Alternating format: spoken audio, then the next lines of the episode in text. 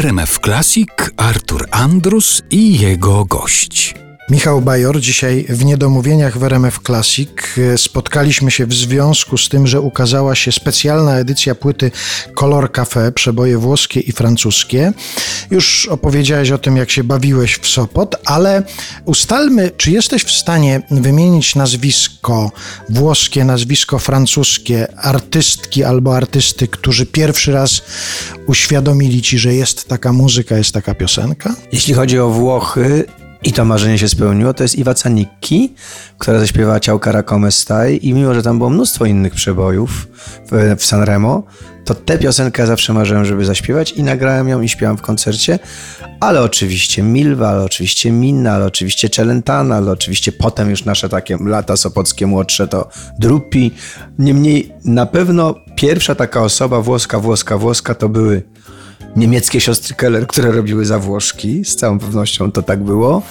Była Rafaela Cara, ale takie moje pierwsze wstrząs, co miałem 17 lat, to była ta Iwa Canicki. Natomiast jeśli chodzi o Francję, no to no, na pewno Piaf i Aznavour.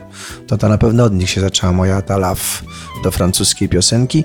I zresztą była taka sytuacja, że miał być wyjazd do Paryża, do Olimpii, iluś tam artystów, on nie doszedł do skutku, ja byłem też brany pod uwagę. No, że nie wspomnę o wielkich karierach Ewy Demarczyk, prawda, czy Violetty Villas, które tam występowały. A czy kogoś z tych, kogo uznałeś za tych swoich idoli włoskich czy francuskich, miałeś okazję zobaczyć kiedyś na żywo na jakimś koncercie? Nie. Jeszcze jestem w takim momencie życia, mając swoje 63-4 za chwilę. Ja się niestety nie otarłem o żaden na żywca. Oczywiście znam wszystkie te filmy DVD, wszystkie nagrania z Paryża, z, z Olimpii, które były emitowane przez telewizję, szczególnie, przecież nie było tych wszystkich innych programów. I wreszcie miałem raz okazję, żeby pójść na koncert Aznawura, ten ostatni, który był w Kongresowej. Ale on się tak odbył, kiedy ja miałem już dawno wykupione z przyjaciółmi z całego świata, bo jeździmy w grupkach takich na wakacje, mieliśmy wykupione wakacje. I ja na tym koncercie nie byłem. Bardzo żałuję, bardzo żałuję. To może nie jest to samo usłyszeć kogoś podczas koncertu, a usłyszeć w radiu, ale taką radiową namiastkę koncertu możemy naszemu gościowi i naszym słuchaczom teraz zapewnić. W RMF Classic Charles Aznavour. Où sont-ils à présent À présent mes parle d'un temps que les moins de vingt ans ne peuvent pas connaître. Mon en ce temps-là accrochait des lilas jusque sous nos fenêtres et si l'humble garni qui nous servait de nid ne payait pas de mine. C'est là qu'on s'est connu, moi qui criais famille et toi qui posais nu. La bohème, la bohème ça voulait dire on est heureux. La bohème, la bohème, nous ne mangions qu'un jour sur deux.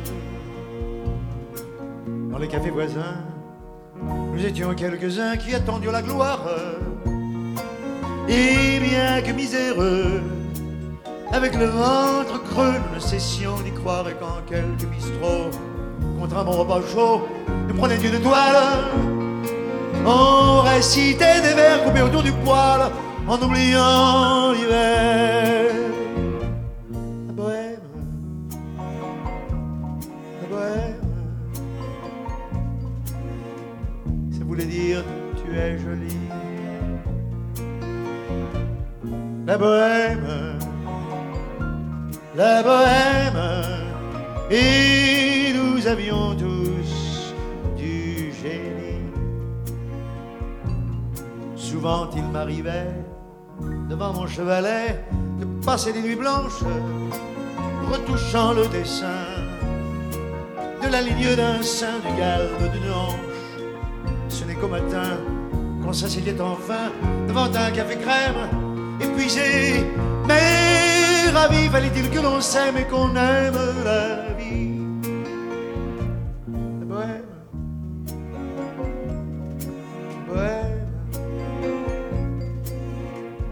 ça voulait dire on a vingt ans. La bohème, la bohème, et nous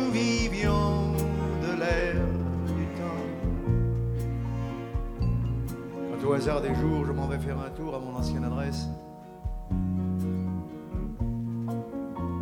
je ne reconnais plus ni les murs ni les rues qui ont eu ma jeunesse. En haut d'un escalier, je cherche l'atelier.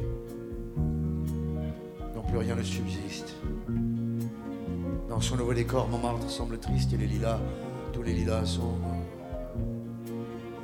La bohème, on était jeunes, on était fous. fous.